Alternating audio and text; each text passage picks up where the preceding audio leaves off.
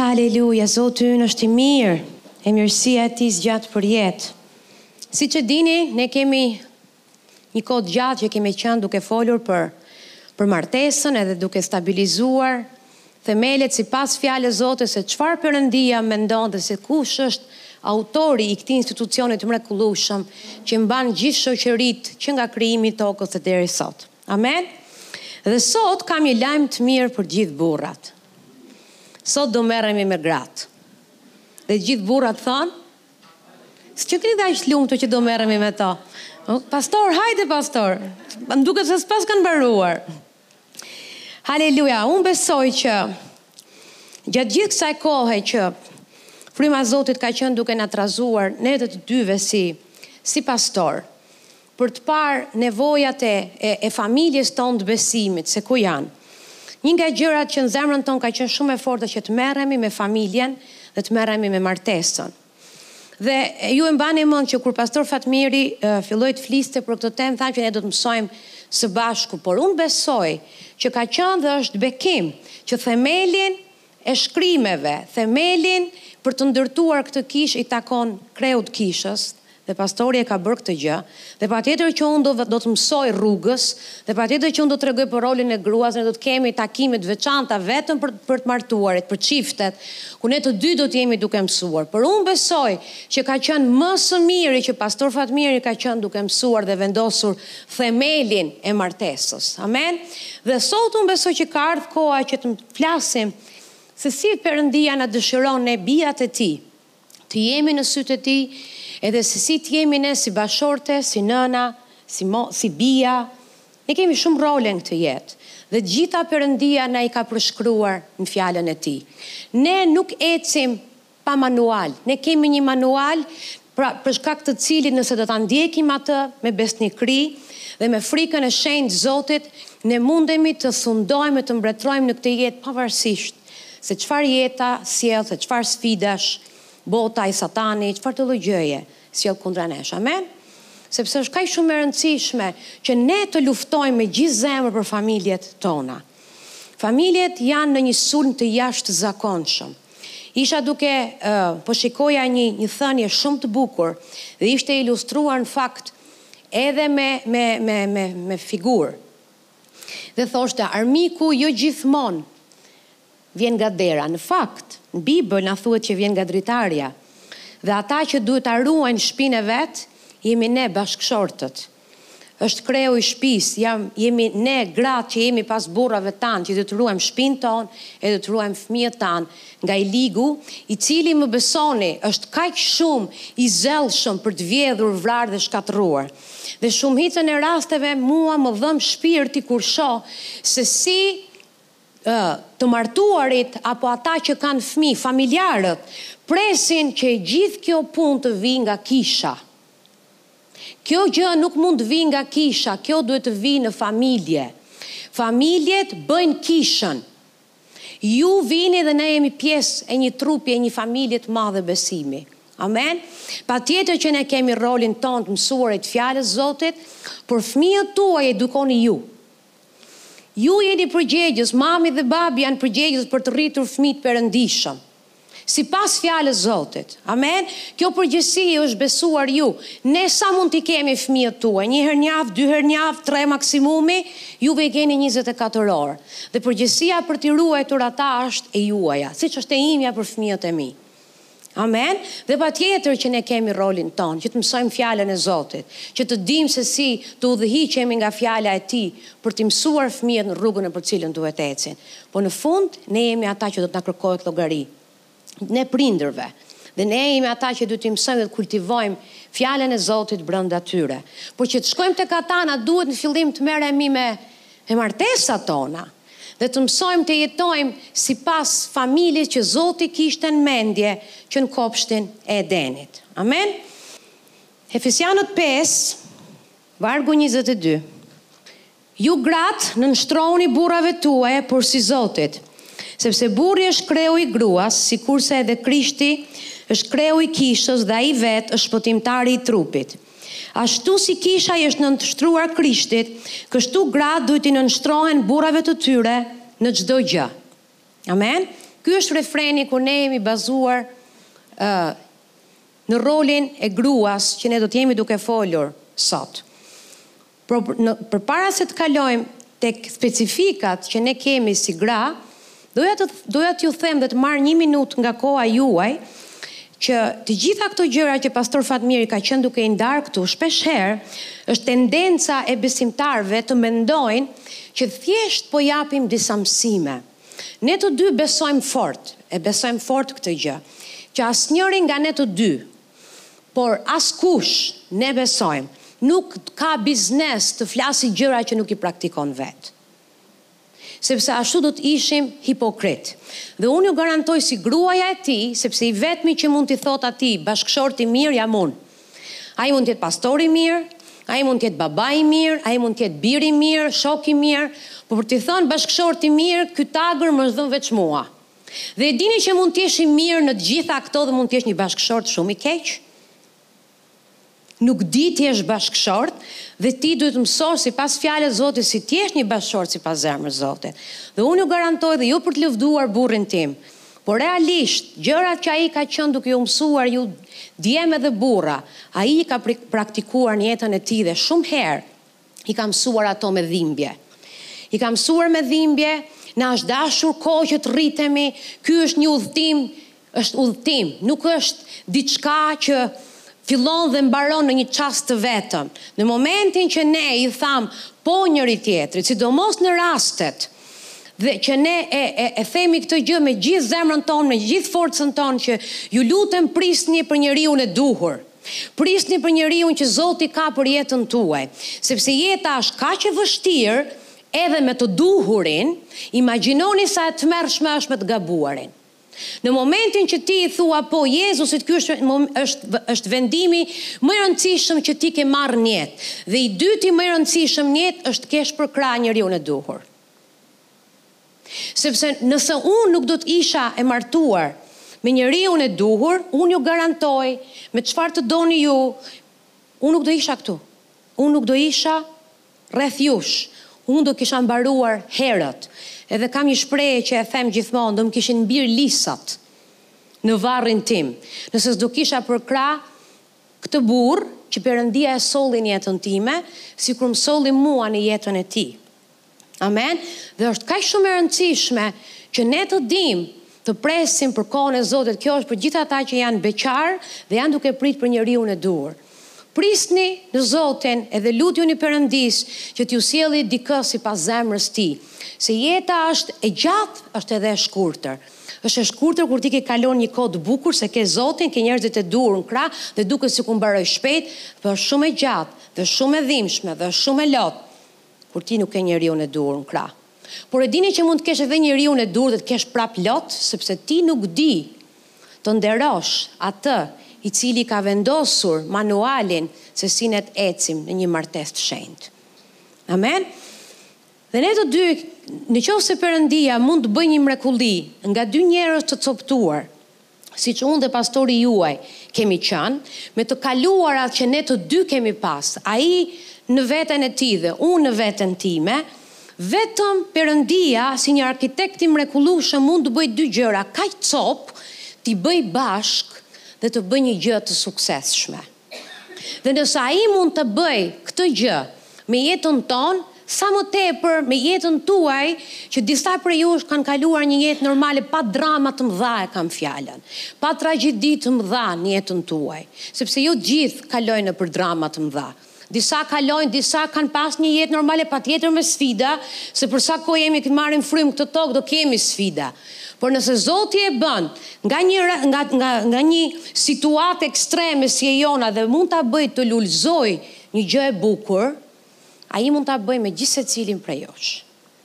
Amen dhe unë do të jem shpesh herë duke marrë shembull nga jeta jonë sepse unë besoj që ato fitore që ne i kemi korrur me lot e që i kemi kemi përplasur kokën në mënyrë të si të themi, jo tamam se kemi përplasur, po figurative, e përplasur kokën pas muri dhe me njëri-tjetrin, kemi gjetur zgjidhje, duke luftuar bashkë, herë në mish e herë në frymë dhe ia dolëm, ato fitore janë që ju t'i dëgjoni, në mënyrë që ju keni zemër e të merrni zemër që dhe ju mundeni. Sepse mua më inkurajon kaq shumë fakti, kaq shumë fakti që Ai cilit ne i besojmë është rruga. Asnjëri nga ne nuk ka të drejtë të thotë që nuk ka rrugëdalje, sepse në momentin që ti thua nuk ka rrugëdalje, ti je duke mohuar atë që jeton brenda teje që thotë unë jam rruga.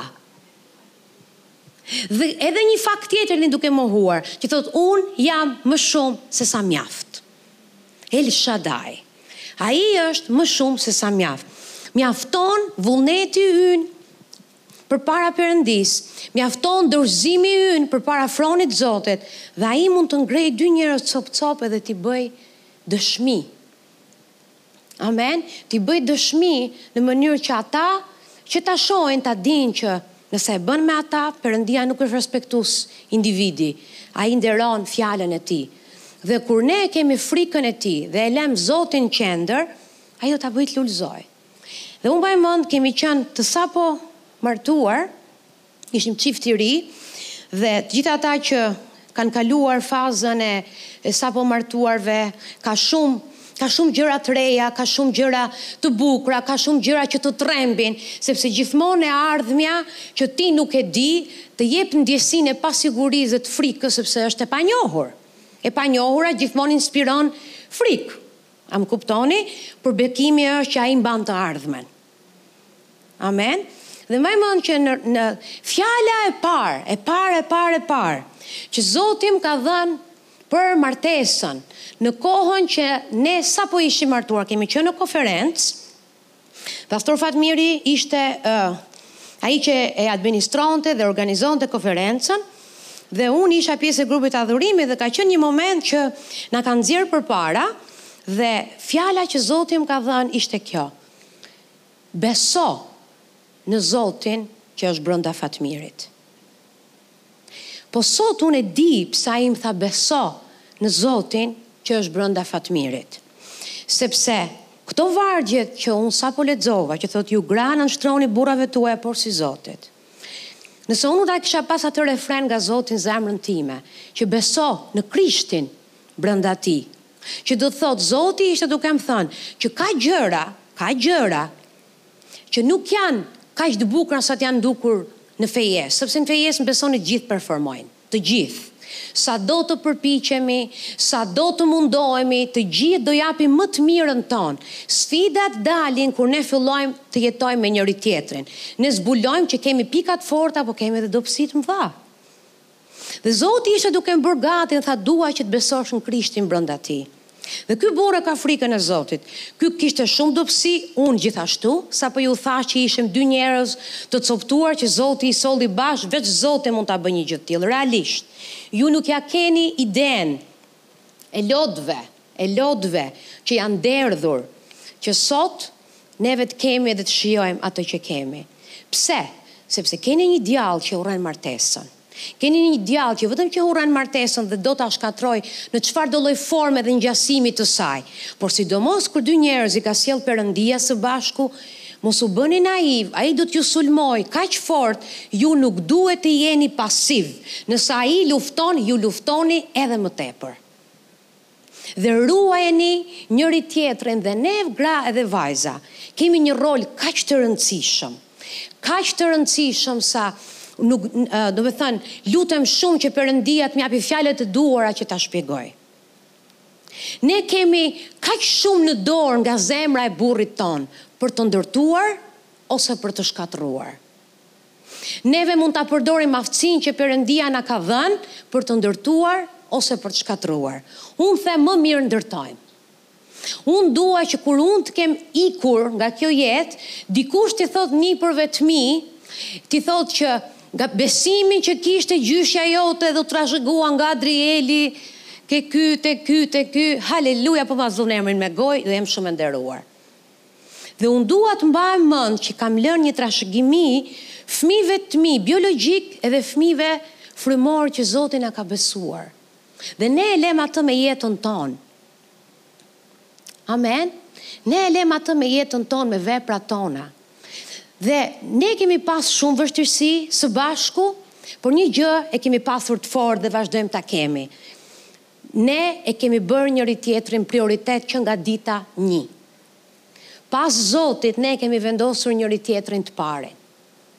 Dhe shumë herë, shumë herë, bashkëshortët nuk është pika e tyre më e fortë. Dhe këtu vajza dhe gra hyni ju, ku nuk keni pse e merrni personale po bëhuni ju iniciatore për të ruajtur këtë intimitet me fanatizëm që duhet të keni çdo ditë me njëri-tjetrin. Teksa harxhoni ndonjëherë kohë pse të kujtohem vetëm unë pse kujtohesh vetëm ti? Fjala e Zotit na thotë mos u lodhni duke bërë të mirën sepse do të korrni në kohën e duhur. Jini ju iniciatore, jini ju ato që e tërhiqni njeriun e zemrës tuaj për të bërë gjënë e duhur. Amen? Është kaq shumë e rëndësishme, sepse do të ruaj, do të ruaj unitetin, do të ruaj paqen midis jush. Dhe ne kemi pasur shumë pikë të fort këtë gjë. Sado fmi që kemi bërë dhe kemi pesë, sado që shërbesa vazhdon të shtoj përgjegjësi dhe m'besoni, ka përgjegjësi më shumë se ç'e mendoni ju. Ne njëri-tjetrin, vazhdojmë ta kemi të parin. dhe i japim kohë çdo ditë cilësore. Dhe kjo është kaq shumë e vyer sepse nëse unë nuk ushqehem me Fjalën e Zotit një dhe nëse nuk kam kaluar kohë me burrin tim dy, unë jam si makinë e prishur. Është më mirë që mos më rrish vërdallë dhe më besoni po s'më besuat mua, kam fëmijët e mi këtu dhe e kuptojnë kur mami është e mërzitur. Pse? Sepse kam ndërtuar në këtë formë, me shumë me shumë sulme, më besoni. Ama ne të dy jemi të parët. Nëse ne të dy s'jemi mirë, fëmijët tanë s'janë mirë. Nëse ne të dy s'jemi mirë dhe fëmijët tanë s'janë mirë, kisha nuk është mirë. A e kuptoni se si shkojnë zinxhir njëra pas tjetrës? Dhe e dini se sa shumë më dhemb në zemër që ka fami, ka, ka çifte të martuara në kishat tona, po dhe në kishën time. Që unë nuk e di kur ka qenë hera e fundit që keni ndejtë me njëri tjetrin, moj të shifeni në sy. Të shifeni në sy t'i tregoni njëri tjetrit pse jeni bashkë, pse duheni të rizbuloni dhe një herë. Ne kemi tetëmbëdhjetë vjet bashkë dhe vazhdimisht e bëjmë, ulemi dhe flasim për gjërat që Perëndia na ka dhënë çdo vit të jetës tonë. Dhe këto nuk i them, i them me shumë përulësi, nuk po i them për mburrje, po ju them që me lot i kemi kultivuar, i kemi ruajtur me fanatizëm. Siç ecja e besimit duhet ruajtur me fanatizëm, koha me Zotin që ne kemi çdo ditë duhet rujt me fanatizëm, sepse quhet bukë e përditshme dhe jo e përjavshme dhe as e përmujshme, është bukë e përditshme. Ti çdo ditë duhet hash nga fjala Zotit, ti çdo ditë duhet ulesh te këmbët e Tij dhe të kalosh kohë me Perëndinë. Por ça na bën të mendojmë? që do të funksionojë diçka, nëse ne nuk ulemi me njeriun e zemrës që Bibla e quan, ne jemi një me ta. Është sikur ti të mohosh pjesën tënde, gjysmën tënde. Dhe të injorosh që ke nevojë të ushqehesh, ke nevojë të flesh, ke nevojë të bësh shumë gjëra, pse? Sepse nuk ke nevojë, sepse nuk e çmon si të rëndësishme. Është ti në fakt nuk e kupton që je duke dëmtuar veten tënde, se ne jemi një. Dhe Perëndia kur na sheh, na sheh si një. Amen. Dhe ne kemi një rol shumë të rëndësishëm që ta mbajmë shpinë bashkë ose ta bëjmë çorap me duart tona. Unë them le të ndërtojmë. Amen.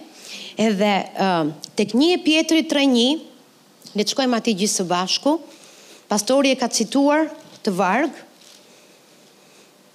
Thotë gjithashtu dhe ju gra nënshtrojuni burrave tuaj që edhe nëse disa nuk i binden fjalës të fitohen pa fjalë nga sjellja e grave të tyre. Kur të shohin sjelljen tuaj të dlirë dhe me frikë ata të mund të ndryshojnë. Shikoni si thotë të fitohen pa fjalë. Kjo është sfida më e madhe që ne kemi si gjini. Goca ngreni dorën, hajt tani ngreni dorën. Ngreni dorën gocat, gjitha gocat, gratë. Okej. Është sfida jonë më e madhe që ne të bëjmë diçka pa fjalë. Unë edhe kur bëj punë te shtëpia flas me vete. Dakord? Ta bëjmë pa fjalë. Kur ne na thua pa fjalë, na vrit më mirë. E vërteta është që duhet të vdesim për veten në këtë fushë. dhe na duhet t'i fitojmë ato pa fjalë. Dhe çelësi i zemrës bashkëshortit tuaj është tek nderimi. Sa më shumë ti ta nderosh atë, sa më shumë ta çmosh atë, ai do të t'japi edhe më tepër. Po si t'ia bëjmë o pastore kur nuk ndodh kjo gjë, kur nuk shikojmë të korrë mbrapsht, kur nuk kur duket sikur ne po përpiqemi dhe pastaj nuk jep frut Bibla thotë bëje pa fjalë me sjellje të mirë dhe do ta dhe kur ato të shikojnë sjelljen tuaj do të shikoni frutin dhe bekimin tani nëse Bibla e thotë është po dhe amen por shumë herë ne na ndodh ne na ndodh që në momentin që bëhemi gati për martesë diku këtu në mendjen tonë mendojmë që ne mund t'i ndryshojmë bashkëshortët tanë dhe më shumë e kemi ne Gratë këtë gjë se sa burrat për të na ndryshuar ne. Ne mendojmë që kur të martohem, do t'i ndryshoj garderobën një. E dyta do t'i ndryshoj zakonet dy, s'i më shikojnë gocat beqare. Kështu janë burrat mi motër. Do t'i ndryshoj garderobën, do t'i ndryshoj zakonet, do t'i ndryshoj këtë, do t'i ndryshoj atë. Ne jemi përgjegjës vetëm për të ndryshuar mua. Vetëm për të ndryshuar veten tonë. Isha duke folur me dikë, që po më kërkonte, po më, po më thoshte që kur të fejohem me të, do t'i bëj këtë, do t'i bëj këtë, do t'ja do ja ndryshoj komplet, do, i thashë motër, po ti po më thu për një njeri tjetër. Ti the që do fejohesh me këtë, ky nuk është ai. Po ja hoqe të gjitha këto, ky s'është më ai që ti pëlqeve. Leje tjetrin siç është, e leje Frymën e Shenjtë, përsërisni mbas meje, Frymën e Shenjtë! Haleluja! Ai bind për mëkat? Thuajeni goca! Drejtësi dhe gjykim! Fryma e Shenjtë nuk ka dalë të kërkojë për sekretare. Dakord? Dhe shpesh herë, pa dashje dhe me dashje, ne si bashkëshorte e marrim këtë rolin për të bërë Frymën e Shenjtë. Dhe unë e kuptoj, dhe po shikojmë ca goca ashtu pastor, t'i dije hallet tona. unë i di hallet tua dhe po përpiqem t'ju ndihmoj. Po le të shkojmë tek rrënja që të merremi me degët. Dakord? Dhe rrënja është që të jemi në rregull me fjalën e Zotit, me shkrimin e shenjtë, dhe duke qenë se e vendosim çdo gjë aty ku e ka vendin, Perëndia do ta bëjë të rritet. Amen. Ai do ta bëjë të rritet dhe ai do ta bëjë të lulëzojë. Pse ne si gra apo ata si burra kemi dobësi të dyja palët, kjo nuk e zhbën të vërtetën e fjalës Perëndisë. E vërteta është e vërtetë absolute, është e palëvizshme. Dhe nëse Zoti thotë që fryma e shenjtë do të bindë për mëkat, drejtësi e gjykim, ne nuk duhet të marrim rolin e frymës Zotit që shpesh herë të bëhen gjërat siç ne duam në mënyrë që ata të ndryshojnë rrugë. Se do flasim, po dola te negative, s'do dilja këtu akoma. Por neve çelësin e kemi në dorë dhe ai është nderimi. Kur ne i nderojmë bashkëshortët tanë, dhe nderimi kultivohet herët, kultivohet në familje. Nëse ti e ke nderuar babain tënd, dhe ai ka qenë një figurë që ju ka mësuar nderimin, ti nuk do ta kesh të vështirë si motër, si grua, si vajzë, që të nderosh edhe bashkëshortin tënd kur të jesh i martuar. Pse? Se të është kultivuar në familje. Por ati perëndi do të ta mësojë nëse nuk të është kultivuar në familje. Dhe kur ti je rritur në një familje të shëndoshë ku e ke parë se çfarë është nderimi ndaj kreut të shpisë, do të jetë e lehtë që t'i nënshtrohesh dhe t'i bindesh bashkëshortit tënd. Ka pas shumë raste, shumë, mund të them në gjithë këto vite martesë, që në fillim mbaj mend kur u martuam, unë kisha tendencën, kisha tendencën që të të të dua gjithmonë t'i them gjërat, kam dëshirë t'i flas, t'i jap zë, domethënë, të t'i diskutoj ato. Ok? Dhe është gjë e mirë, sepse duhet dhënë zë në mënyrë që të merremi vesh, sepse shumë herë keqkuptohemi dhe i ligu i bën gjërat edhe më keq. Por asnjëherë për të manipuluar anën tjetër. Ne duhet të flasim që të merremi vesh. Dhe jo për të gjetur një fajtor, dhe jo për të dënuar dikë, sepse në fund fitoi ai apo fitova unë, po çfarë lidhje ka, po çfarë, kush, asnjëri nuk fitoi. kemi lënduar njëri tjetrin. Dhe nëse çdo diskutim që bëhet kalon në grindje, atëherë më mirë ato diskutime të marra t'i lëmë mënjanë dhe të shkojmë në lutje, atje ku nuk ka gjigant që mund të rrijë në këmbë, atje ku nuk ka sulm demonik që mund të rezistojë, atje ku nuk ka djall në ferr që mund të të bëjë ballë, është kur ti rri në gjunjë edhe ndërmjetëson. për bashkëshortin tënd. Kur ka qen binjakët të vegjël, mbaj mend ka qen nji nat që pastori po i mësonte për faljen, dhe pse po e them këtë është se mënyra si po më shifni, kur tha pastori ne do të fla do të falim shtatëdhjetë herë shtatë, katërqind e nëntëdhjetë herë në ditë, fale! tha pastori Adrilit a jo Elit nuk e mbaj mend. Dhe ato ishin mërzitur me kushërirën e tyre që shpesh herë jua sillte në majë të hundës. Dhe atë, në një moment të sipër, njëri nga ata të dy u mërzit, tha, O, u, t'ja lësh Zotit në dorë, ai vetëm fal, unë nuk dua të fal, unë dua të hakmerrem. Dhe kur tani unë po i them këto gjëra, ju po më shikoni, o pastore, çfarë je duke folur? Jam duke folur të vërtetën që na bën të lirë. Amen. Dhe shpesh herë kur shkoja tek Zoti me idenë Që t'i ankohesha Perëndisë për problemet që ai kishte dhe besoni ka pas probleme, ka ende probleme, kam, por në momenti që ndryshoi fokusi, nga ai shkoi fokusi tek unë dhe Zoti nisi të merreshe me zemrën time dhe nisi duke më ndryshuar mua, filloi të lulëzonte dhe të bekoheshe martesa. Prandaj isha duke ju thënë që ne si bashkëshortë e kemi shumë në dorë për shërimin e shumë gjërave në shtëpi. Mbaj mend një dëshmi që më ka bekuar shumë dhe ishte aq më e fuqishme që të kuptoni se sa i ligu na urren, por që shpesh herë dera që ai gjen është përmes dobësive tona. Për të hyrë ke fëmijët tanë, për të hyrë te martesat tona. Është historia e Jimmy Evans qoftë se e keni dëgjuar, ai mëson shumë për martesën, kush di anglisht jua inkurajoj t'i dëgjoni sepse janë shumë bekim. Dhe po tregonte për një rast, në në historinë e tij, në dëshminë e tij, ai tregon që në momentin kur ishte pak pa u divorcuar, fryma e Zotit I foli, ky në fakt u ul në gjunjë dhe tha Zot më ndihmo të jem burrë sipas zemrës tënde, sepse totalisht dështoi martesa. Ok? Dhe ishte ajo dita ku jeta e tij ndryshoi dhe e la frymën e Zotit që ta mësonte, ta ndihmonte dhe sot është një nga folësit më të suksesshëm për martesën dhe ka një martesë shumë të bekuar. Por ai tregon se si ishte gruaja e tij iniciatorja e shërimit të martesës. ishte ajo e cila hodhi hapin e parë drejt restaurimit të asaj martese që ishte aq shumë e copëtuar. Dhe po tregonte që një fragment, vetëm një rast i vetëm, kur ajo filloi të kishte një marrëdhënie të mirë me Zotin, edhe po ecte dhe po rritej në Zotin, dukej sikur zënkat e tyre të përditshme filluan të rrallohen, sepse ajo po ndryshonte. Dhe kur njëri nga bashkëshortët merr vendimin që të ndryshojë dhe të rregullojë veten e vet, do të preki me dashje apo pa dashje edhe anën tjetër. Sepse ndryshimi i njërit do të sjelli ndryshimin e tjetrit. Sepse dashurisë nuk mund t'i rezistojë asgjë dhe askush. Nuk mundesh.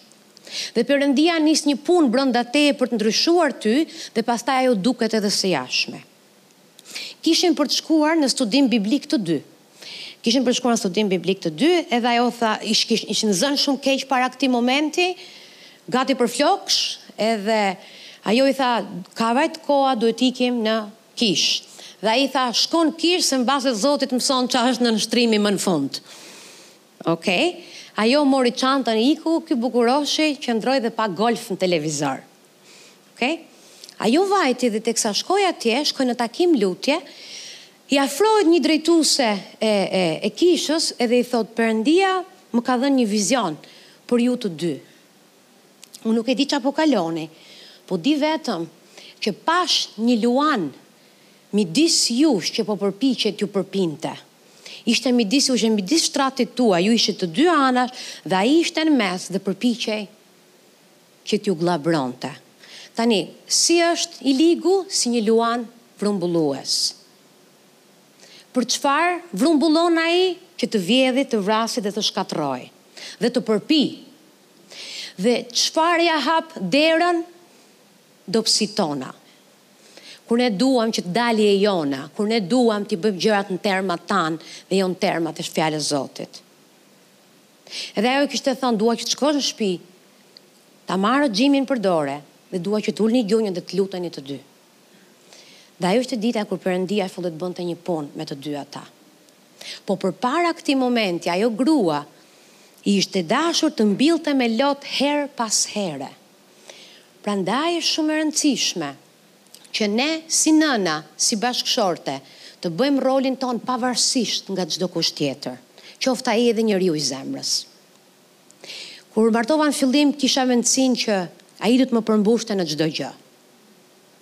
Ai nuk mund të më përmbushë në çdo gjë, Përmbushja ime është tek Zoti. Vlera ime duhet të jetë tek identiteti që unë kam në Krishtin. Ne nuk duhet ta shikojmë veten tonë në sytë e bashkëshortëve tanë, vlerën tonë tek sytë e tyre, sepse ndonjëherë shikimi i tyre nuk është ende i rinovuar sikur Zoti do. Dhe ne nuk do ta masim aftësitë, talentet tona edhe ato gjëra që Zoti ka vendosur brenda nesh, që janë të paguara me gjakun e Jezusit, nuk duhen matur nga mënyra se si bashkëshorti yt, qoftë ai edhe njeri frymor. Identiteti ynë është në Krishtin, vlera jonë qëndron në gjakun e tij, vlejmë kaq shumë sa Perëndia na quan bija. Amen. Dhe nga kjo perspektivë, të ulura me Zotin Jezus në vendet qiellore, ne duhet të bëjmë betejat e jetës tonë për të ruajtur familjet tona dhe, dhe martesat tona. Dhe e kisha këtë nevojë, unë e di pse e kisha sepse vija me një bagazh nga e kaluara. Ne të gjithë sjellim plehra nga e kaluara jonë. Unë kisha plehrat e mia dhe ai kishte të tijat. Dhe kur erdhën këto dy njerëz për të jetuar së bashku, sado që ta donim njëri-tjetrin dhe dashuria është shumë e rëndësishme, por nuk është ajo që e mban martesën, por është përkushtimi ndaj njëri-tjetrit, premtimi që Zoti na ka sjellë bashkë. Sepse dashurinë duhet ta kultivosh çdo ditë. Amen. Sado që duheshim, sado që duheshim, ishte ishte e mahnitshme dhe kush është i martuar e di se si mund t'u ngatërrohen gjuhët dy njerëzve që duhen kaq shumë në këtë gjendje, edhe të duash nuk di domethënë me të vërtetë. Dhe kush është i martuar thotë Nuk thonë amen o pastor, janë bërë gjithë qetë. Tani të kuptoj kur flisje ti, ishin gjithë sus. Dhe është kaq shumë e vërtetë, është kaq shumë e rëndësishme që ne ta shikojmë këtë gjë me sytë e Atit tonë. Derisa ai një ditë u ul dhe më tha, grua e dashur, ti duhet të shkosh tek Zoti të mbushesh, unë nuk të mbush dot. Unë jam burri, Zoti është Krishti. Dhe po m'u kujtonte një gjë për të qeshur, ë tani rrugës, isha një ditë, ka qenë kjo tani është kohët e fundit, unë isha në dhomën time të lutjes, kalova një kohë shumë të mirë me Zotin dhe isha, keni parasysh kur del kështu, dhe të ka fol Zoti, duket sikur të vëmë edhe një vel që mos na shikojnë shkëlqimin, ok. Edhe isha shumë e gëzuar dhe akoma s'kisha mbaruar këngën dhe adhurimin, ishte pak para shërbese. Në mos gaboj dhe ky ishte vesh për kish. Ishte bo king ishte bo. Për sytë e mi, jo për tuajt. Ishte bo king dhe unë shkova e përqafova po isha akoma në zemër duke këndu Zotit, thashë të adhuroj. Edhe ky tha aman mos m'adhuro. Se e kam këmishën e re, s'du me e gris. Aman tha mos më bëj të, të mbulohem me hi edhe me kështu. Thashë o zemër s'e kisha me ty, thashë boll i mirë je po. Jezusi është i vetmi Zot i zemrës time. Amen. Edhe është kaq shumë e rëndësishme që ne ta përdorim këtë armë të jashtëzakonshme që kemi, duke u marrë me veten tonë radhë të parë. Edhe Perëndia të merret me palën tjetër. Duhet pak kohë. Sikur ecja jote me besimin që do kohë që ti të formosh muskujt e tu të besimit, edhe në martesë kur njëra nga palët është duke çaluar, por ty të janë hapur sytë, ty nuk të janë hapur sytë që ta masakrosh, ty të janë hapur sytë që të ndërmjetësosh. Ty të janë hapur sytë që të luftosh. Ty të janë hapur sytë që ta që t'i bëhesh t'i bëhesh krah. Amen? Sepse në këtë mënyrë ti e ruan atë, ti ruan dhe veten tënde. Nuk i kuptoj dot ca ca gra që i ndajnë hallet e tyre me mamat, me shoqet, me hallat, me tezet të martesës tyre. Për mua, për mua është sikur të kesh ekspozuar shtratin tënd martesor. Ti je duke folur për të, po flet, duke fol për veten tënde, sepse ti dhe ai jeni një. Lakuriqësia e tij është lakuriqësia jote. Nderimi i tij është nderimi yt. Edhe turpi i tij është turpi yt. Dhe shumë herë, ma ka mësu Zoti herët këtë gjë, ka pas shumë raste që ai ka bërë gabime në mënyrën se si e drejton familjen. Dhe unë kam marrë faj mbi vete, jo se kisha, por sepse ne jemi bashkë. Ne jemi bashkë. Dhe unë thoja që ne, E bëmë këtë, ne. Unë s'kisha bërë asgjë. Ta dinin ato kush e kishte bërë? Ne. Pse? Sepse unë nuk e ekspozoj burrin tim. Sepse burri im është burri im. Unë kam sfida me të, për ju mund të jetë i mrekullueshëm, sepse këtu ai është nën vajosjen e Frymës Shenjtë, kur shërben, si pastor ai ka mantelin e pastorit, por në shtëpi ai është Fatmiri dhe unë e njoh me të mirat dhe e njoh me të këqijat e tij. Sikur ai më njeh me të mirat. Dhe aty duhet me të vërtetë dashuri. Dhe unë e dua shumë. Sepse është burrë me të vërtetë sipas zemrës Zotit. Dhe jo se është i imi, po jam shumë mirënjohëse që është i imi. Amen. Le shkojmë gjithë së bashku. Do shkojmë tek cilësitë që Zoti do që ne t'i kemi dhe do shkojmë tek fjalët e urta tridhjetë e një, te kapitulli i famshëm Se si Perëndia i shikon bijat e Tij dhe kush janë virtytet që Ai dëshiron që neve të kultivojmë si, si bija të Zotit. Amen? Vargu dhjetë, thotë, Kush do të gjejë një grua të fortë dhe të virtytshme, vlera e saj është shumë më e madhe nga ajo e margaritarëve. Zemra e burrit të saj ka besim tek ajo, dhe do të ketë gjithnjë fitime. Ajo i bën të mira dhe jo të keqe tërë ditët e jetës saj. Gjen lesh dhe li, punon me gëzim me duart e veta. Ajo i përngjan anijeve të tregtarëve e sjell ushqimin e saj nga larg. Çohet që me natë për t'i ndarë ushqimin familjes së saj dhe për t'u dhënë urdhra të nevojshme shërbëtorëve të saj. Do ta lexoj deri në fund dhe pastaj do të flas disa gjëra. Ajo shikon një arë dhe e ble. Me duart e saj mbjell një vresht. Ngjesh me forcë ijet dhe i bën më të fortë krahët të saj. E kupton që tregtia e saj po shkon mbarë dhe llampa e saj e natës nuk i shuhet. Shtri dorën mbi furkën, pëllëmbat e saj zënë boshtin. I shtrin dorën të varfrit dhe i jep dorën nevojtarit. Nuk i trëmbet borës për familjen e saj, sepse tërë ata të shtëpisë së vet kanë një veshje të dyfishtë. Bën për vete mbulesa si sixhade dhe rrobat e saj janë prej liri shumë të hollë dhe të purpurta. Do ta ndaloj këtu, sepse pjesën tjetër do ta lexoj pak më vonë. Po dua që në qoftë se keni stilolaps apo diçka për të shënuar, dua të nënvizoni këto fjalë. Ke vargu dhjetë, kush gjen një grua të fortë dhe të virtytshme? Gruaja sipas zemrës Zotit është e fortë. që duket sikur është paradoks me atë që thotë enë delikate, por pastori e shpjegoi që enë delikate ne nuk jemi nga rezistenca dhe nga forca, ne jemi delikate në emocionet tona, sepse Perëndia na ka na ka krijuar brenda nesh që dikush të kujdeset për ne, të na kultivojë dhe të na dojë. Në këtë jemi ne të brishta dhe delikate, por jo në forcën tonë.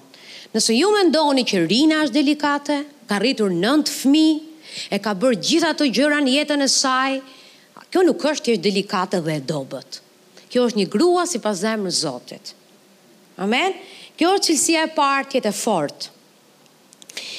Zemra e burrit të saj ka besim tek ajo dhe do të ketë gjithnjë fetime, fitime. Një grua besnike, që e ka besnikërinë në karakterin e saj. Besnikëria në ditët ku jetojmë është bërë një gjë e kanë përdhosur, po është një nga nga është një nga karakteri, një nga karakteristikat më të jashtëzakonshme që Zoti ynë ka. Ai është një Zot besnik. Dhe duke qenë se jemi bijat e tij edhe bijtë e tij, ne trashëgojmë natyrën e Babait tonë, ne jemi besnikë. Në momentin që ne rilindemi, ne e kemi atë farë besnikërie brenda nesh. Edhe sikur të kesh qenë njeriu më i keq, përpara se të shpëtoheshe, mund të kesh qenë kriminel i madh, mund të kesh qenë imoral i madh, në momentin që ti rilindesh, fara e madhështisë Krishtit vjen brenda teje. Dhe ajo besnikëri, ajo farë besnikërie ti e kultivon me Fjalën e Zotit, sepse është tashmë në ty. Amen? Dhe, dhe besnikëria është ajo që do të ruajë jetën tënde nga çdo e keqe. Jo vetëm në martesë, po kudo, me mënyrën si punon, me mënyrën se si ke marrëdhëniet me të tjerët, në, në punë, apo në shkollë, apo kudo në jetë, ti të duhet të jesh besnik, sepse kështu i, i ti i pëlqen Zotit, dhe i ngjason Atij. Unë nuk jam besnike ndaj shtratit tim martesor, ndaj martesës time për shkak të tij. Unë jam besnike sepse i ngjasoj Atit tim dhe anasjelltas. Amen?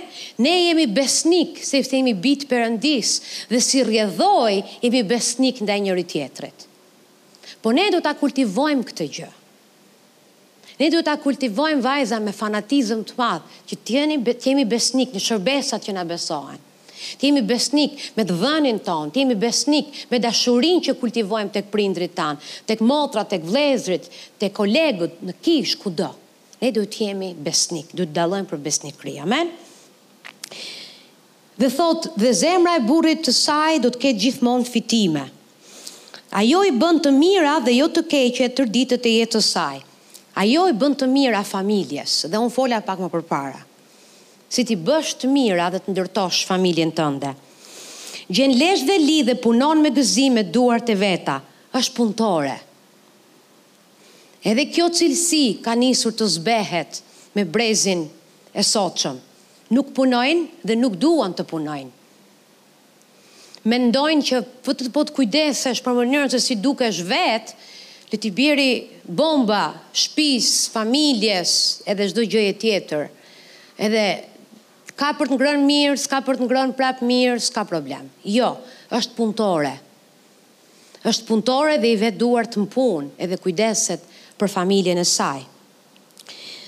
Dhe thotë ajo për vargu pesëmbëdhjetë thotë çohet që me natë për të ndarë ushqimin familjes së saj dhe për t'u dhënë urdhra të nevojshme shërbëtorëve të saj.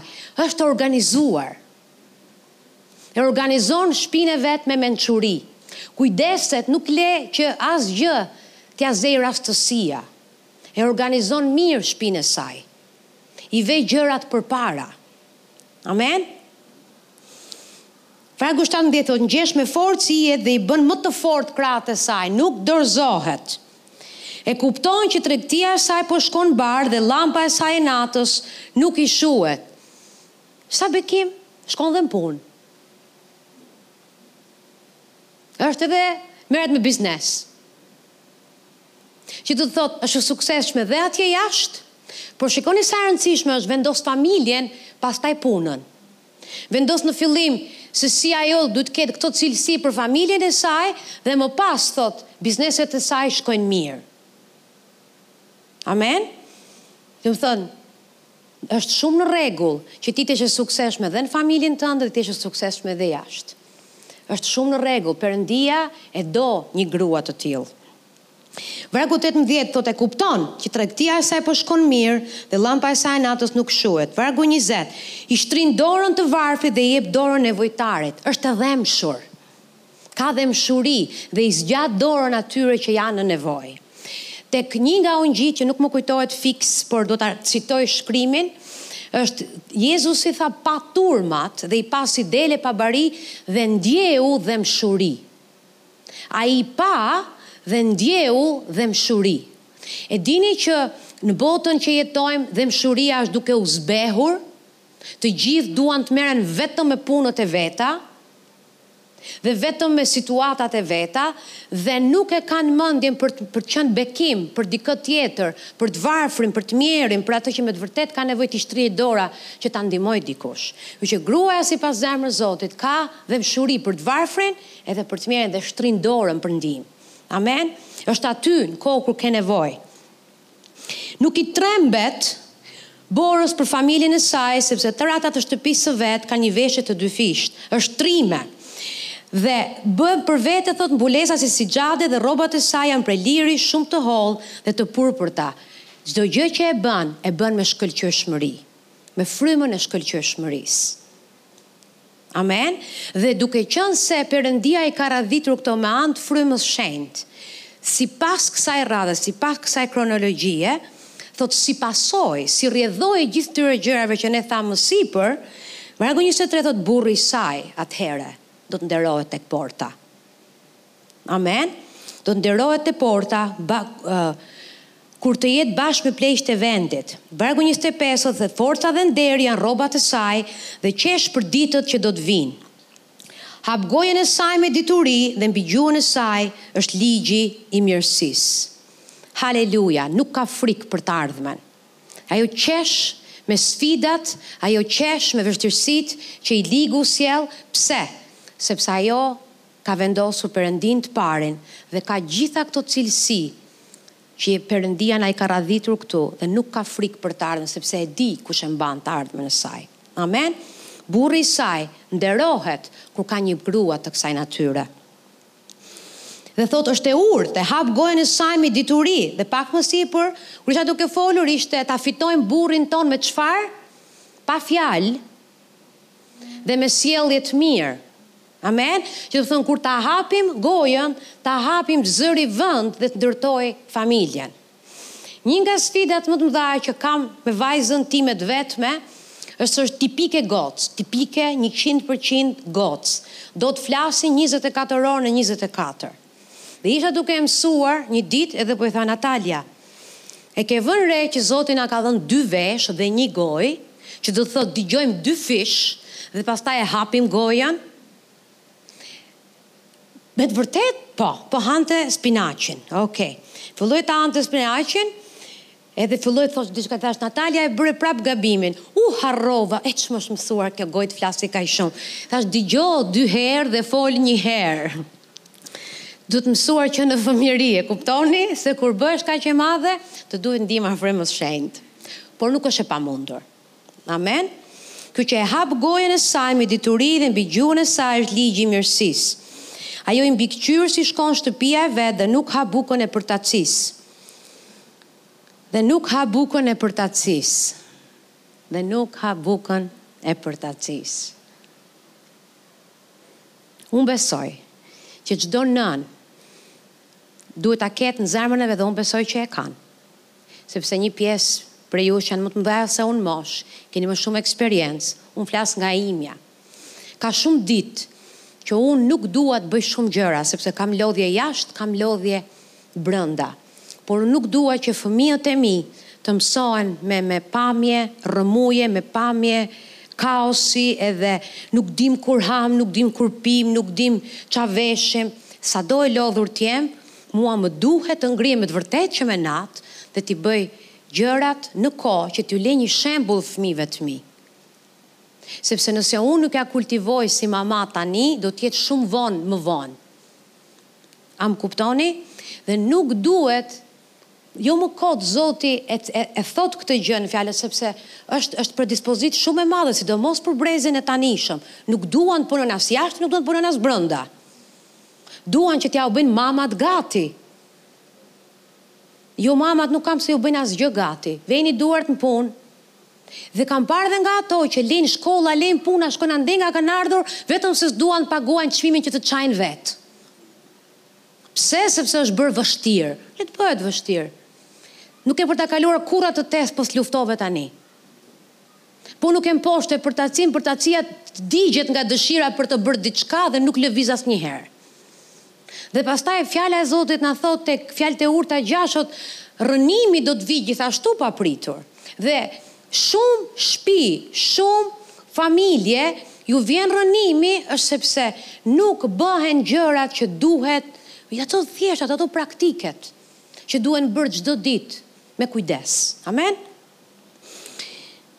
Pastaj thotë bijtë e saj ngrihen dhe e shpallin fatlume dhe burri i saj e lëvdon duke thënë, Shumë bija kanë bërë gjëra të mëdha dhe ti i kalon të gjitha ato. Sa prej jush të martuara doni që burri juaj të thotë s'ka si ty mi gru. Ti je më e mira. Të gjitha kanë bërë të mira, po ato që ke bë ti s'ia kalon asnjëra. A doni t'ju thonë kështu apo jo? Doni? Kush do të ngrejë dorën? Pranvera dashka, Pranvera Zoti të bekoftë do të thotë motër. Pse? Sepse ka gjithë këto cilësi dhe është shumë e lehtë për një bashkëshort që të lëvdojë një grua të tillë. Është shumë e lehtë që një bashkëshort të të dojë një grua të tillë. Sepse urdhrimi që është dhënë atij është ta duash gruan tënde.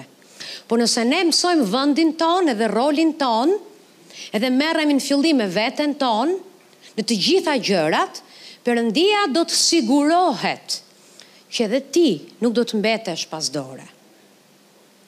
Ai do të sigurohet që edhe ti do të jesh e përmbushur edhe e kujdesur. Dhe pastaj burri, burri i vet thotë hiri është i rremë dhe bukuria është e kotë, por gruaja që ka frikë nga Zoti është ajo që do të lëvdohet. Frika nga Zoti, frika që ne duhet të kemi ndaj Perëndisë tonë, nderimi i thellë dhe i shenjtë ndaj statuteve të Tij e Perëndisë tonë, unë besoj që është sekreti i çdo gjëje të suksesshme në jetë. Në do të kesh një shërbesë të suksesshme, frika e Zotit duhet të jetë aty. Në do të kesh një martesë të suksesshme frika e Zotit duhet të jetë aty. Çdo gjë të suksesshme në jetë do ta kesh sepse ti ke frikë nga Zoti. Pse sepse ti do që ai të të udhëheqi dhe ai të eci përpara teje. Amen. Ta pyesni Perëndinë për çdo gjë, për çdo vendim. Ai duhet të jetë ai që ju tregon rrugën nëpër të cilën duhet të ecni dhe ne jemi ata që që ndjekim. Amen? Haleluja! Dhe është shumë e lehtë që të nënshtrohesh kur ke këto cilësi. është shumë e lehtë të nënshtrohesh kur ke këto cilësi. Pse? Sepse ti ke gjetur vlerën tënde, e ke gjetur në Krishtin. Dhe ti ke gjetur që të gjitha këto cilësi i ke dhuratë nga Perëndia, edhe i ke kultivuar ato, dhe është e pamundur, nuk ka burrë, sado me probleme të jetë që t'i rezistojë një gruaje të kësaj natyre. Amen? Dhe Nëse ti ndien se nuk je ende këtu, ka kohë. Perëndia është i mirë, është i mëshirshëm, me thënë drejtën unë anije që t'i komandoj s'kam, as lesh e li s'kam bërë, që kur kam qenë e vogël bëja shtiza me mamin, edhe tregtar me shumicë nuk kam ende, mund të ketë Lida, unë jo, por unë e kuptoj frymën e asaj që Perëndia është duke thënë. Amen? Si t'jua përkthej në ditët tona? Do t'jua përkthej në këtë formë. Vendosni Zotin të parin. Kini frikë Zotin. Merruni me zemrën dhe me jetën tuaj. Kultivoni dhuntitë, më falni, kultivoni frutat e frymës në jetën tuaj. Të gjitha frutat e frymës. Kultivojini me fjalën e tij, vendosini në praktikë, nderoni bashkëshortin tuaj, jini dhënës edhe bujar dhjetës dhe ofertës, kujdesuni për ata që janë në nevojë. Amen. Jini iniciatorë për të bërë për të për të nisur punë të suksesshme me këshillën e Perëndisë, biznese a çfarëdo lloj gjëje qoftë. Jini të gatshme t'i vini duart në parmendë në kishë edhe jashtë saj për të qenë bekime dhe për të qenë të frutshëm dhe për të pasur të ardhura. Amen! Kështu e përkthej unë. E kapto, e kuptoj që fryma e gjithë këtyre vargjeve është kjo për ditët ku jetojmë. Amen? Dhe tani do merrem pak me çfarë janë ato gjëra që me të vërtetë janë si kancer në një martesë. Dhe fatkeqësisht këto janë disa cilësi që shumicën e rasteve, jo gjithmonë, sepse ë, kur ë, kur isha duke i studiu bëhen nga të dy anët sepse aty ku ka njerëz, njerëzit kanë probleme, por i kam parë më shumë rëndomtë tek gjinia femërore. Kështu që kjo nuk është personale, është për të na ndihmuar që ne të analizojmë veten tonë, që të bëhemi më mirë e të përmirësohemi. Më jepni vetëm pak kohë sa ta hap. Atëherë, kriticizmi kronik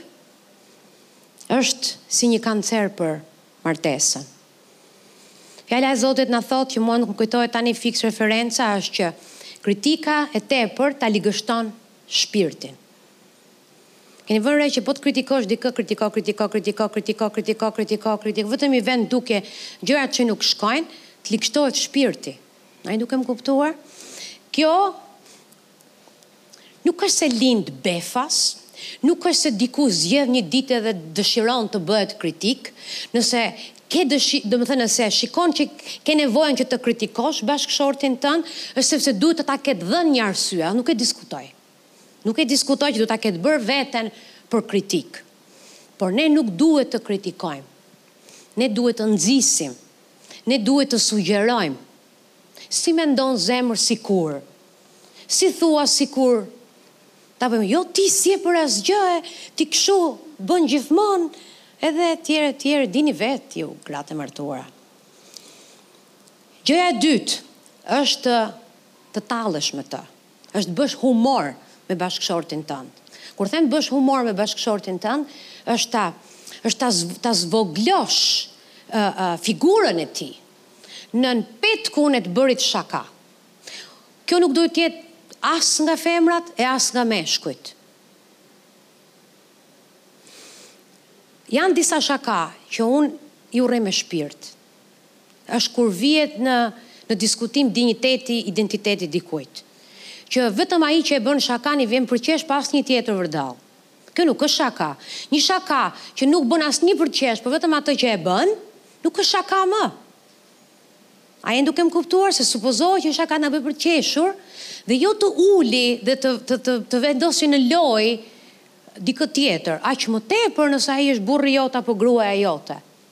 Dhe kemi ne shqiptarët kemi ca shaka gruaja gruaja gruaja burri burri burri unë do të këshilloja të keni frikën e zotit për këto gjëra sepse ju nuk e kuptoni që pavarësisht se ti e bën nën nën nën nën nën sensin e të bërit humor ti je duke hapur gojën tënde dhe po e thua diçka Je duke e hapur gojën tënde dhe je duke mbjellë diçka.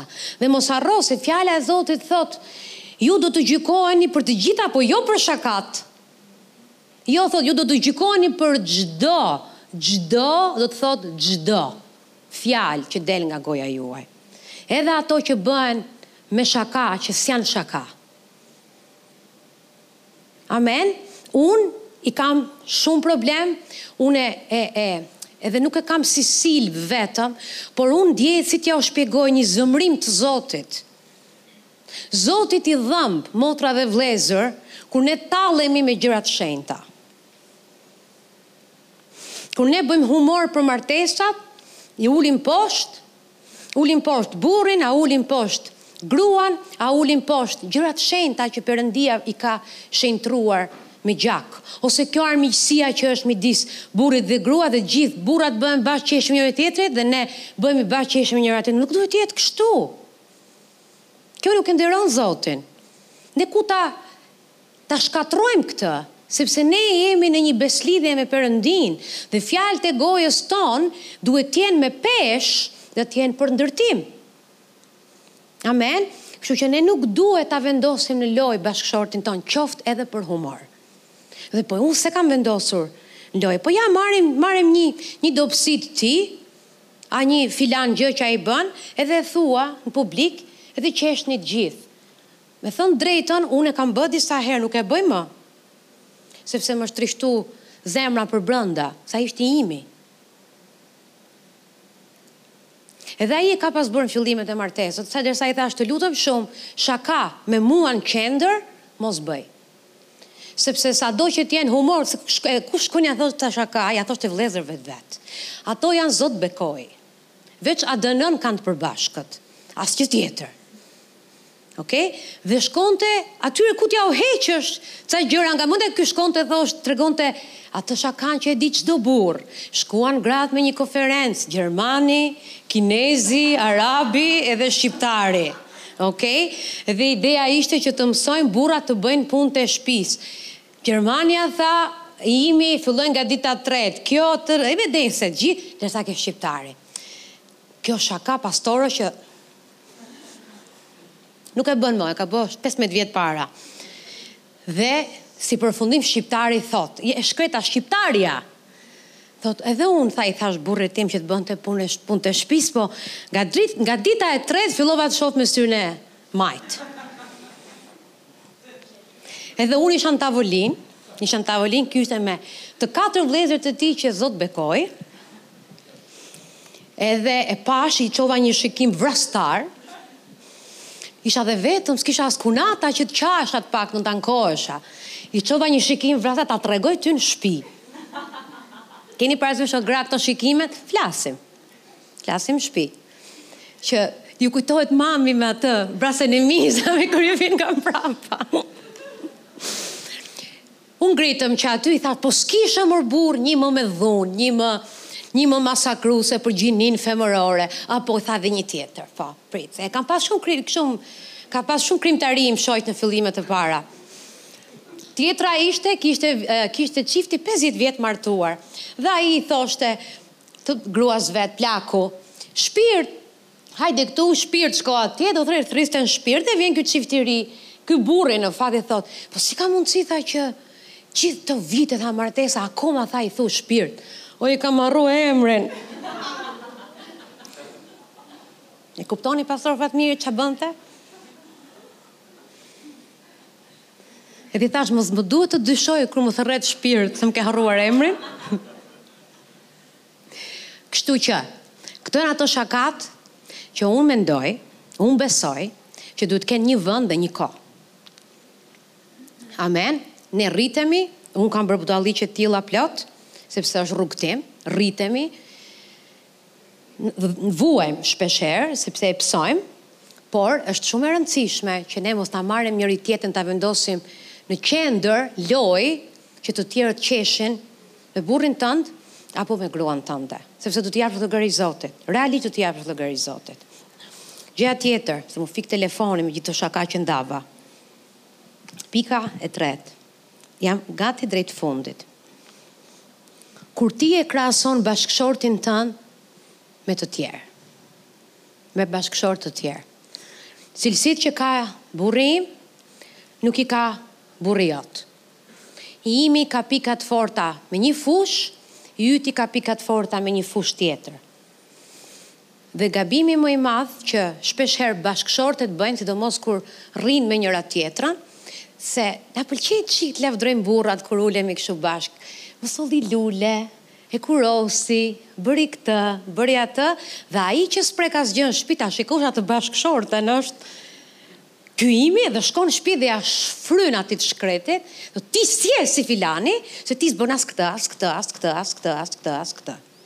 Edhe fillon dhe e krahason, a e shikon filanin sa romantik është, ti s'je romantik hiç. E shikon filanin ç'a bën, ti nuk bën. Dhe duke e bërë këtë gjë, pavarësisht se ne po qeshim, kur ti e krahason bashkëshortin tënd me dikë tjetër, je duke i dhënë atij një mesazh që ai nuk është mjaftueshëm për ty. Je duke i thënë atij që ai nuk të përmbush ty. si bashkëshorte dhe mbaste ka dhe të vërteta brenda po ai është i yti ti nuk e krahason me askënd tjetër ai mund të jetë më problematiku ai mund të ketë një mijë dobësi po në fund të ditës për ty duhet të jetë ma i miri i botës më i nderuari në sytë e tu dhe nuk ka asnjë tjetër që i afrohet sepse ky të ka rënë për short nga perëndia dhe do ta mbash dhe ta nderosh pavarësisht se ai ça bën ai. A jeni duke më kuptuar? Nuk duhet ta krahasojmë me dikë tjetër. Gjëja tjetër është kur ti nuk e respekton, se siç thamë në fillim, çelësi i zemrës tyre është nderimi. Dhe gjëja tjetër që është shumë problem është kur ti e çnderon dhe nuk e respekton atë në publik. Që do të thotë, ka shumë raste që ka gra Edhe vajzat që janë martuar kohët e fundit, që nuk e nderojnë me fjalët e gojës tyre, flasin pa nderim për bashkëshortët e tyre, mes shoqeve, apo mes dikujt tjetër, apo mes familjes. Familja jote nuk ka nevojë ta di se çfarë dobësish ka yt shoq. Sepse ti shkon në shtëpi, rregullohesh me të, por atyre jua le në mendje atë pamje të keqe që ai është problematik. Dhe nuk është, sepse martesa është, kemi thënë e e freskuam dje ke dasma e Erikut dhe Frosildës, ë që është ti, burri edhe Zoti, jo ti, burri, Zoti dhe fisi, dhe shoqet, apo fisi i atij, apo vëllezërit e atij, apo shokët e atij. Jo, martesa është shumë e thjeshtë, është burri, gruaja dhe Perëndia, askush tjetër. Të vetmit që kualifikohen janë ata që ju keni mbi kryet tuaja frymërisht për të qenë bekim, që keni nevojë për këshillim, që keni nevojë për lutje, që prapë çdo problem duhet qëndrojë aty, nuk del nga ai vend. Amen? Por martesa juaj nuk duhet të jetë për publikun, që ne të ulim bashkëshortët tanë në sytë njëra tjetrës. Thoni amen? Aleluja. Gja tjetër është ta ulësh bashortin tënd në sytë fëmijëve. Kur ti nuk i flet me nderim, fëmijët e tu e shohin. Kur ti ja ve gabimet në pah, në sy të fëmijëve, ato prapë e shohin.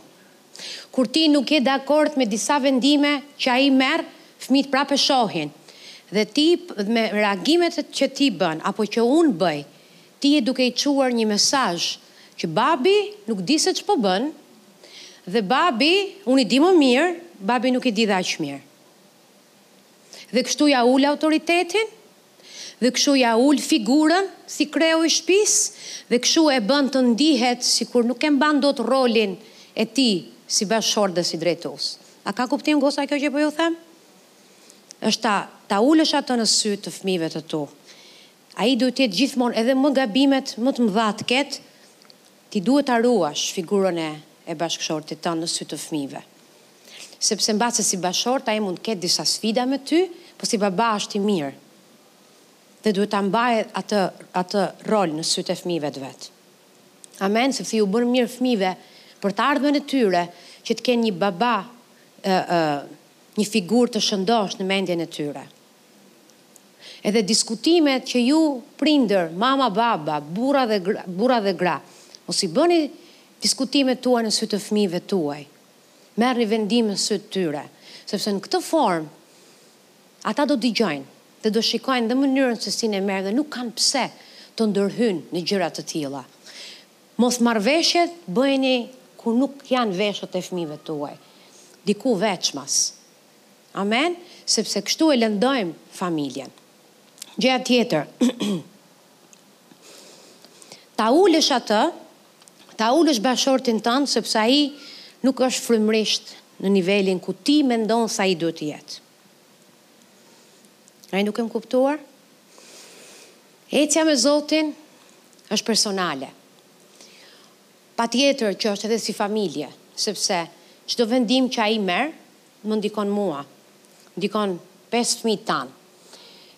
Frymërisht, financiarisht, çfarëdo lloj gjëje që ai burrë merr, çfarëdo lloj vendimi që merr, duam apo s'duam, ne jemi efekt domino pas tij dhe e shijojmë të mirën ose e shijojmë të keqen dhe shpesh herë pa dashje ose me dashje marrim këtë tagrin e të bërit mësuesen e burrave tanë dhe unë besoj që nuk duhet të jetë kështu sepse Bibla thotë që nuk duhet të jetë kështu dhe nëse Bibla e thotë ç'rëndësi ka ç'besoj unë. Dhe ç'rëndësi ka ça beson ti. Dhe ç'rëndësi ka ça besojmë dhe mendojmë nëse ai e meriton. Se me të vërtetë ai mbase mund ta meritojë. Por siç ju thashë dhe jua ripërsëris, Fryma e Shenjtë do ta bindi. Më mirë shko harxho kohë duke u lutur dhe duke folur me Zotin që ta ndryshojë atë, sesa ti të shkosh të bësh sherr me të, edhe ta akuzosh që nuk është frymërisht në rregull. Që duhet të jesh, e duhet të ishte këtu, e ne duhet të kishim bërë këtë, e. Unë mendoj që dhe veten tonë po ta shohim, do donim shumë të kishim qenë diku më larg. Por di sa bekim është kur s'na e vënë në dukje gjatë gjithë kohës se na lëndon shpirti. E pse mendojmë se po t'ia themi të dashurit zemrës tonë do ta bëjë të ndihet më mirë? Mbaj mend kishim një kishim një konflikt goxha serioz një ditë. Edhe tani gjithë këto vite martesë na kanë mësuar, mbasi i kemi derdh lotët e i kemi mbush kazanët, unë, se ky s'ka qarë, kazanët me lot, kemi marrë mësime. Kemi marrë mësime dhe vendimi më i mirë që kemi marrë është që nuk shkojmë larg njëri-tjetrit, ne prapë shkojmë drejt njëri-tjetrit ashtu, të mërzitur, të acaruar, nuk e durojmë dot njëri-tjetrin, por prapë shkojmë drejt njëri-tjetrit sepse kështu duhet të jetë. Amen, kishim një konflikt goxha serioz. Dhe uh, unë nga me eksperiencën që kam si si bashkëshorte dhe si e martuar, kam mësuar të dalloj që ky lloj shtegu, ky lloj shtegu që Po ia shikoja simptomat do më çojë këtu. Dhe nuk ishte mirë se ishte Hiroshimë. Se pastori juaj herë pas herë i del ai Kukës në pa. Dhe mu më del në ato të mijat, nuk po bëj si e mirë unë, më besoni, se dhe unë kam të mijat. Dhe e pashë që kjo gjë do na çojë këtu. Dhe kam mësu me dhimbje. Që tërhiqu, tërhiqu nga fushëbeteja, largohu, rrezik, rrezik bombe, rrezik bombë, plasi, ik!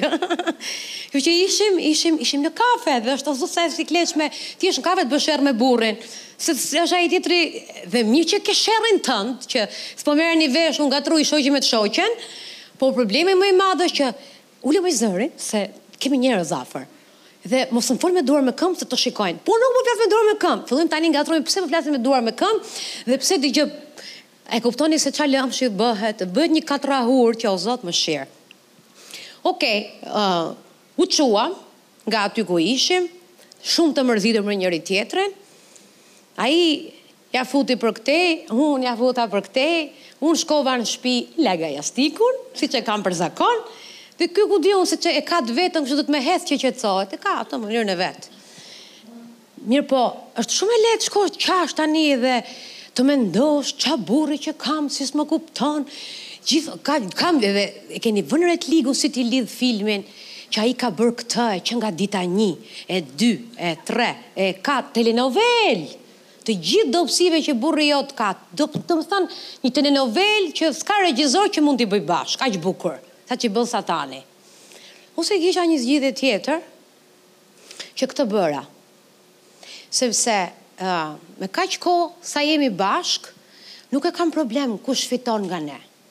Unë thjesht nuk dua që t'ia thyj zemrën dhe nuk dua që të ketë diçka midis nesh, e urrej çdo gjë që futet midis nesh.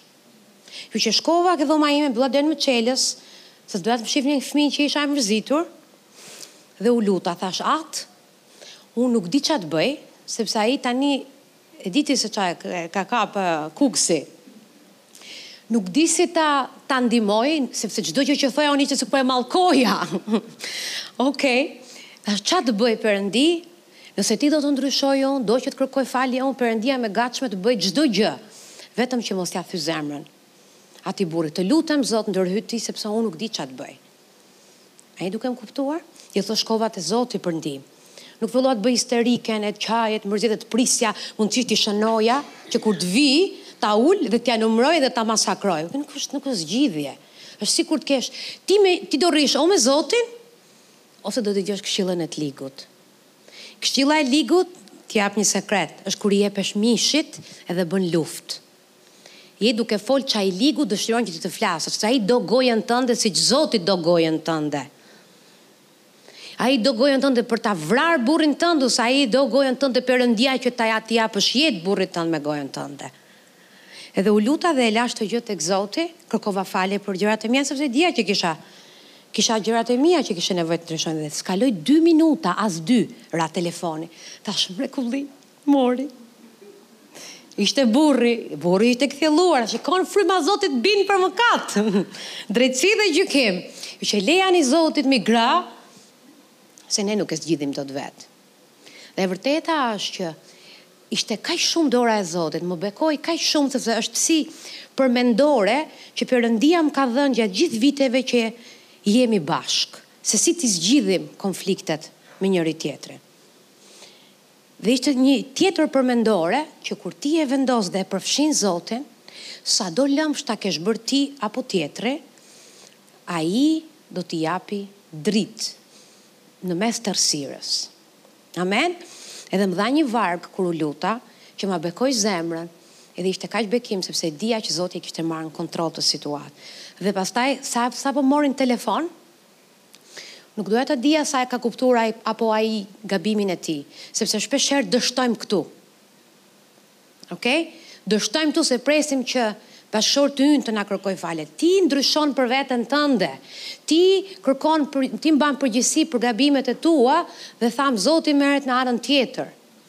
Dhe sapo e hapi telefonin thashë para se të thuash çdo gjë, unë të kërkoj ndjesë, të kërkoj falje, të kërkosh falje në martesë, jo me vepra vetëm, por me fjalë ta artikulosh sepse Bibla thotë rrëfejini fajet njëri tjetrit dhe nëse Bibla thotë rrëfejini fajet njëri tjetrit nuk ka pse tjetri të bëjë ekuacion matematike se s'janë gjithë zysh Eda që di matematikë ekuacioni ka dashur burri që të thotë me veprat e tij mbreslënëse që ka bërë kthesë po burrit të thotë më fal është shumë e thjeshtë edhe ti të thuash më fal.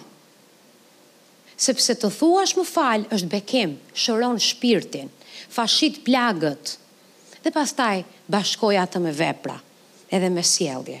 Amen? Është shumë e rëndësishme. Dhe unë kërkova falje për gabimet e mia dhe nuk pretendova që ai tani, Ha, unë kërkova falje, po ti? Kjo nuk është pendesë, goca. Kaq, unë kam përgjegjësi për vete, ai për veten e vet. Se në fund, ai do t'i japë llogari Zotit për shpirtin e vet, dhe unë për shpirtin tim. E lashë këtë gjë, dhe lavdi Zotit Perëndia e mori, sepse e ka frikën e Zotit, dhe ai e di ku janë limitet e tij tek krenaria e di edhe ruan veten e tij, dhe u kthye edhe bëri të njëjtën gjë. Amen? Kështu që, ne nuk duhet të jemi ata që marrim rolin e Zotit për të kritiku bashkëshortët tanë. Mos u ul t'i bësh leksione burrit gjatë gjithë kohës se si ai do të ishte më i mirë. Leje Zotin ta bëjë më të mirë. Dhe kjo nuk ia heq përgjegjësitë burrit që ai duhet të të të rritet dhe të kërkojë nga vetja të bëhet sikur Krishti i komandon në fjalën e tij. Nuk ia heq përgjegjësitë. Unë sot po merrem me ju, me burrat është marrë pastori dhe është marrë seriozisht me ta. Kjo që njëra nuk zhbën tjetrën, shkojnë të dyja bashkë. Amen? Ankimi, gjithashtu, është si kancer në martesë. Ankimi, negativiteti dhe manipulimi. Unë njoh gra që e kanë Zotin në zemër, që janë kaq ankuese, Ankohen për çdo gjë. Nuk dinë të jenë mirënjohëse. Në çdo dy-tre fjali ka një ankim brenda. Mirëpo, ankimi, Perëndia e klasifikon si një mëkat shumë serioz. Në fakt, Bibla na thotë që për shkak se ato u ankuan në shkretëtirë, ata vdiqën. Ata u gjykuan. Ankimi është një mëkat shumë serioz para syve të Zotit dhe vret edhe martesën, ankimi. Edhe negativiteti. Kur ti në vend që të shohësh si fëmijë i Zotit me sytë e Perëndisë, me sytë e shkrimit, ti shikon gjithmonë diçka që nuk shkon. Këtu ka një problem me mënyrën se si ti shikon. Kjo tregon që sytë e tu nuk kanë qenë të fokusuara aty ku duhen, te kreu dhe plotësonjësi i besimit tënd. Po janë të fokusuara vetëm tek gjërat që nuk japin jetë. Janë të fokusuara tek dështimet, janë të fokusuara te dobësitë. Fjala e Zotit thotë që dashuria mbulon një shumicë mëkatesh. Dhe nëse ti e mbulon bashkëshortin tënd me dashuri, dhe ato dobësi ia mbulon me vendim, jo për të bërë sikur nuk i shikon, sepse janë aty. Por, por, ti bën atë çfarë Fjala e Zotit thotë, ta fitosh me sjellje të mirë, dhe nuk je ankuese dhe negative gjatë gjithë kohës. Sa herë që unë jam ulur, sa herë, dhe kjo nuk është për të akuzuar asnjërën nga ju, sepse e kam bërë edhe vetë. Kur unë ulem që t'ju, që t'ju ndihmoj dhe t'ju këshilloj në lidhje me martesën, janë shumë të rralla, shumë, shumë, shumë të rralla, gratë dhe vajzat, që thonë unë kam nevojë për ndryshim. Gjatë gjithë kohës flasin dhe ankohen për për bashkëshortin. Dhe mos më keqkuptoni, kur them ankimi është tjetër gjë dhe të vesh diçka në në në pah, ta nxjerrësh në pah, është tjetër gjë. Të nxjerrësh në pah për të kërkuar ndihmë si ta zgjidhim nuk ka asnjë problem. Po që të kesh një frymë ankimi për çdo gjë dhe mos jesh kurrë i kënaqur me të, është problem. Dhe unë kam jam ulur dhe me njerëz që dhe nuk i nuk nuk i nuk i këshilloj dot, s'kam ça t'ju them, sepse e kanë ndarë mendjen që të shikojnë çdo gjë negative. E kanë vendosur që ai është problem dhe pik. Dhe nuk kam ça t'ju bëj nëse unë ë uh, nuk ju ndihmoj dot me fjalën e Zotit dhe nëse nuk e leni Zotin që të jetë Zot në jetën tuaj, nuk ju ndihmon dot askush. Është vendim, është qëndrim zemre i brendshëm. Dhe manipulimi, Manipulimi sidomos përmes lotëve.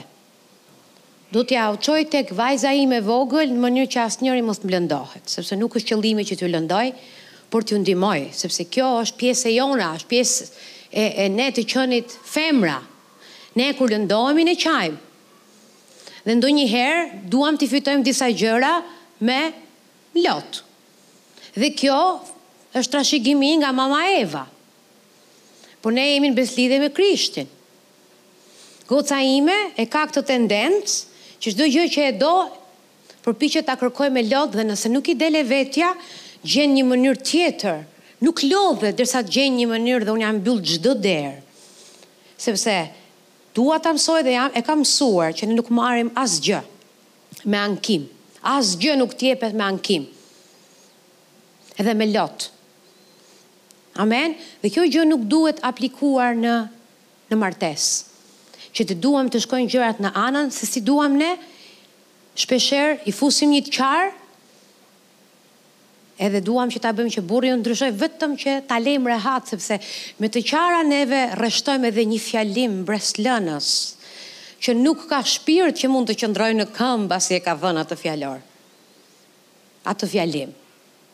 Dhe është shumë e rëndësishme që ne të jemi të kujdesshme dhe të pastra në zemrën tonë.